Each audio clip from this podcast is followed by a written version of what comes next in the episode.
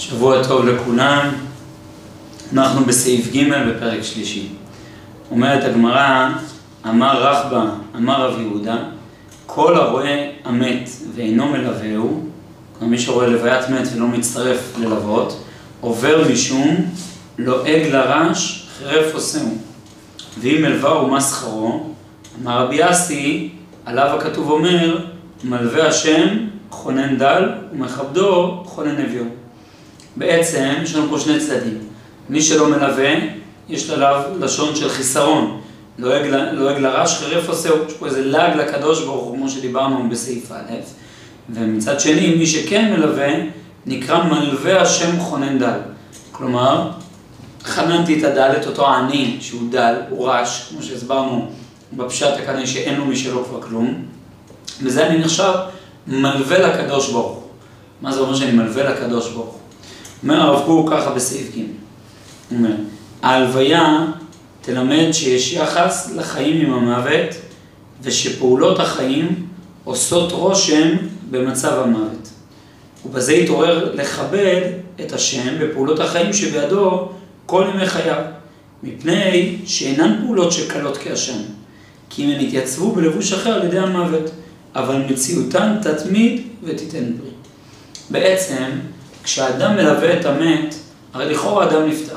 היה מן הראוי להיפטר ממנו לשלום, זהו, אדם נפטר, תזרוק אותו, ותלך, מה אתה עושה מזה עניין? אירוע שלם, מלווים אותו, מספידים אותו, מתעסקים, מי שלא מזיד דמעות, אתה מתחם שנפטר, אדם כאשר נפטר. אנחנו ממש מתעסקים בעניין הזה של אבות, יש לנו הלכות לגבי הולכים, עוצרים, מה אומרים בדרך, קדישים כל הזמן. למה עושים עניין שלם מהלוויה הזאת, מהללוות? מה העניין של התוכן הזה? אומר הרב קוק בעצם, זה בא להגיד לי שהחיים והמוות קשורים אחד בשני. הייתי חושב שיש את החיים ויש את המוות ויש נתק ביניהם. באמת צריך לדעת שפעולות החיים עושות רושם במצב המוות. אין נתק בין החיים והמוות. החיים משפיעים על המוות והמוות קשור עם החיים. הם ממש קשורים אחד בשני, זה לא שני מרחבים מנותקים. ממילא, כל תכלית הלוויה שלי למת היא לא בשביל המת, אלא היא בשבילי. אז זה יתעורר לכבד את השם פעולות החיים שבידו כל ימי חייו. אני יוצא בחוויה של אורח חיים אחר עכשיו, אחרי שליוויתי את המת. אני מבין שאת החיים אני צריך לנהל אחרת, לאור אותה הלוויה, אבל אה, אה, מפני שאינן פעולות שקלות כעשן. זה לא שהפעולות שאני עושה בעולם הזה נגמרות ברגע שאני מת. כמו שחושבים אנשים שלא מאמינים במציאות המוות כמציאות ממשית, אלא באמת, הפעולות שלי בעלות השלכה, בעלות משמעות, ולכן מאוד חשוב לקשור את העולם הזה עם העולם הבא. כי אם הם יתייצבו בלבוש אחר על ידי המוות, על מציאותם תתמיד ותיתן פרי. אותה התייצבות בלבוש אחר אחרי המוות, מסביר אותה השתה הקדוש בתולדות אדם, מסביר בעצם שלכל פעולה יש את השורש הרוחני שלה. זה הכנה שכר מצווה מצווה. באמת יש את הפעולה הרוחנית של המצווה ויש את איך הוצאתי אותה לפועל במובן הפיזי. באמת המובן הפיזי הוא תוצאה של אותה המצווה הרוחנית. ולכן הביטוי הפיזי בנה במרחב של העולם הזה משהו, במקביל לעומק של המצווה בנתה בנשמה שלי משהו. וכמו שאני מקיים מצוות כאן בעולם הזה, כך ממש מכל מצווה נברא ממש מציאות של שכר. שכר רוחני זה לא דבר חיצוני למצווה. עשית ככה, הקדוש ברוך הוא סימן לך וי ביומן. אלא פעולת המצווה בנתה בנשמה תענוג מסוים. בנתה בנשמה שכר מסוים. בנתה בנשמה מעלה רוחנית מסוימת. ממשיך הרב קוק ואומר, ומי שאינו מלווה, אפילו יודע בנצחיות הנפש וגם בתחיית המתים. יש אנשים שבאמת לא מלווים מתים, אבל מאמינים שיש דבר כזה מוות, יש חיי נשמות, יש אפילו תחיית המתים, אבל אם לא ישים לב שיש חיבור לכל פעולות ואורחות החיים גם אחרי מות האדם, וכפי הליכותיו בחיים, ימצא אז את ערכו האמיתי, עוד לא מלא תעודתו בכבוד השם, שעיקר המגמה מזה היא שלמות יצורה. כלומר, יכול להיות שאתה מאמין שיש נשמה אחרי המוות, יש חיים אחרי המוות, ואפילו יש תחיית המתים, אבל סוף סוף יש לך בעיה אחרת. הבעיה זה לא שאתה לא מאמין שיש עולם הבא, שיש עולם נשמות, אלא אתה לא מאמין שיש השלכה מהעולם הזה על העולם הבא.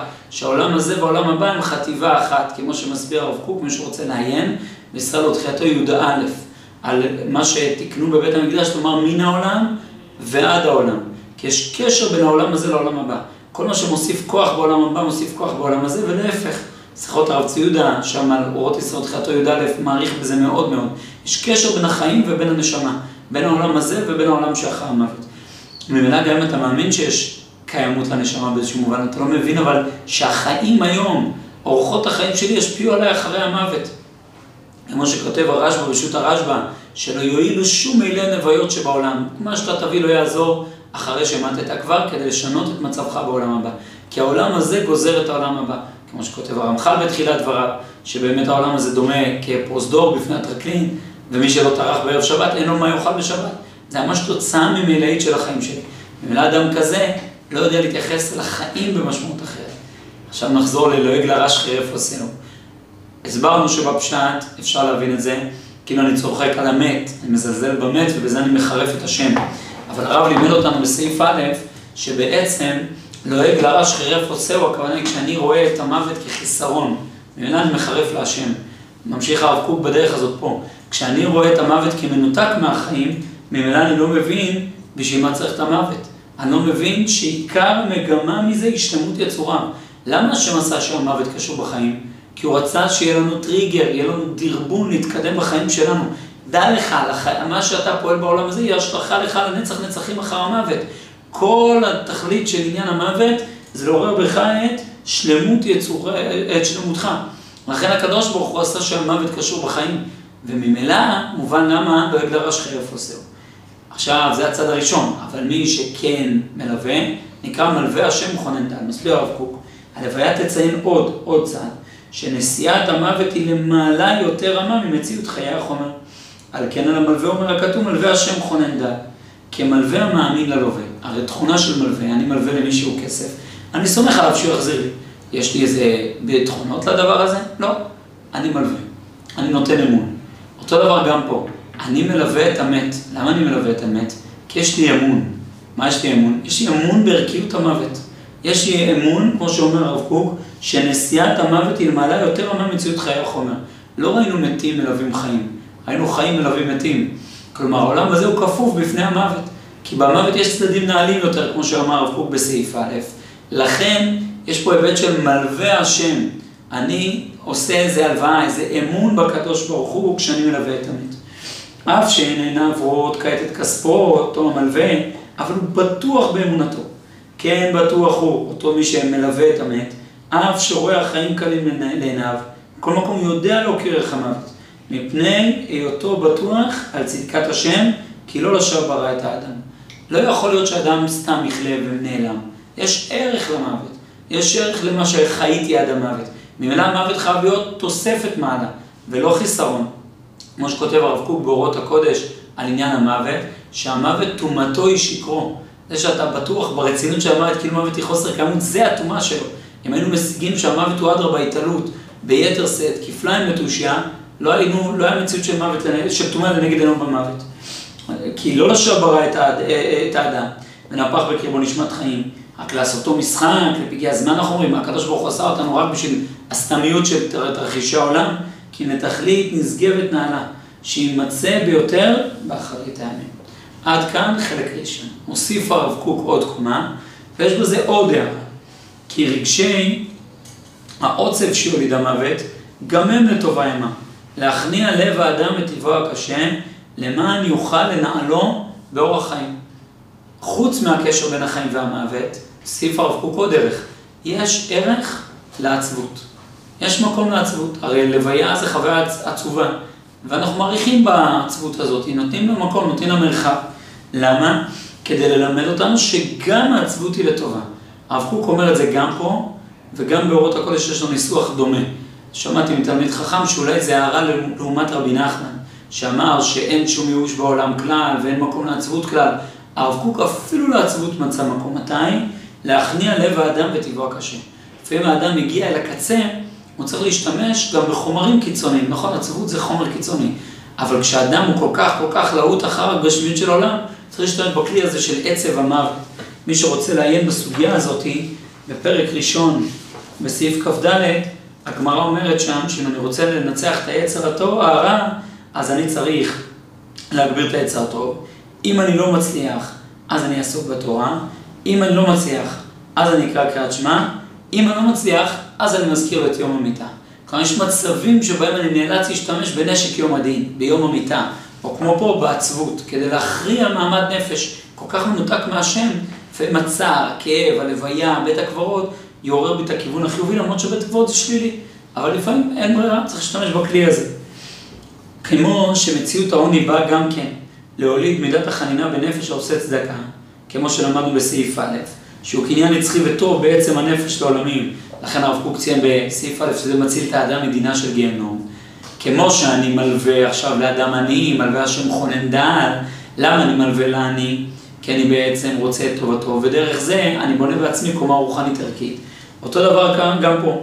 אני משתמש, כמו ששם השתמשתי בעניות שלו לקידום הרוחני שלי, גם פה אני משתמש במת בשביל זה שאני אהיה ערני, לא לשקוע בגסות העולם, בחומרנות העולם, בקיום הזמני והחולף הזה. והנה, המשתמש ביתרון שבמילוא הדברים שנדמים לרעים, הוא מכבד את השם, שמוציא אל הפועל את התכלית הטובה הצפונה בהם, כפי הכוונה האלוהית העליונה. כבוד, פירושו נתינת מקום, כמו לכבד את הבית. לתת כבוד זה לא רק לדברים גלויים. באמת, כבוד מלכים חקור דבר. אתה צריך לדעת יותר ויותר ויותר, לתת, לחקור אחרי דברים שנעים נגד עיניך, וזה אתה נותן יותר כבוד. כבוד, הכוונה היא להתבונן במה שלא גלוי לנגד עיניים. באמת, כרגע נראה לי שהמוות הזה מיותר. אם המוות מיותר, אז בואו ניפרד ממנו לשלום. אומרת התורה, לא תלווה. למה תלווה? יש ערך למוות. בואו תתבונן מה המוות יכול לפעול בך לטובה. גם למוות יש מקום. למה? כי אני מכבד את השם. כי אני מלווה השם חונן דל. אותה הלוואה, כמו הלוואה, היא הלוואה בעצם להשם, לא אני. אותו הדבר גם, אני לא מחרף את עושהו. למה? כי אני מבין שהקדוש ברוך הוא מלוא כל הארץ כבודו. גם המוות מבטא משהו ממגמתו. גם המוות מטיב את המציאות. המשיך הרב קוק ואומר, כן המלווה את המת, המלווה את המת, הוא מועיל עליו העושר של ואחי יתן לליבו, חווה המלווה מוציאה אותו עם מסקנות, עם תובנות, עם שימת לב לדברים, מיישר דרכיו, וזה הוא מכבד את השם. כמו כן החונן דל ואביון מכבד את השם. ומה שמראה התכלית הטובה שיש בכל דבר, אפילו הנדמה רע. כמו שבעניות יש, יש מעלה, גם במוות יש מעלה. כמו שבמוות יש מעלה, גם בעניות יש מעלה. ממש פסקה חופפת למה שלמדנו שלשום בסעיף א'. שבוע טוב ומבוא.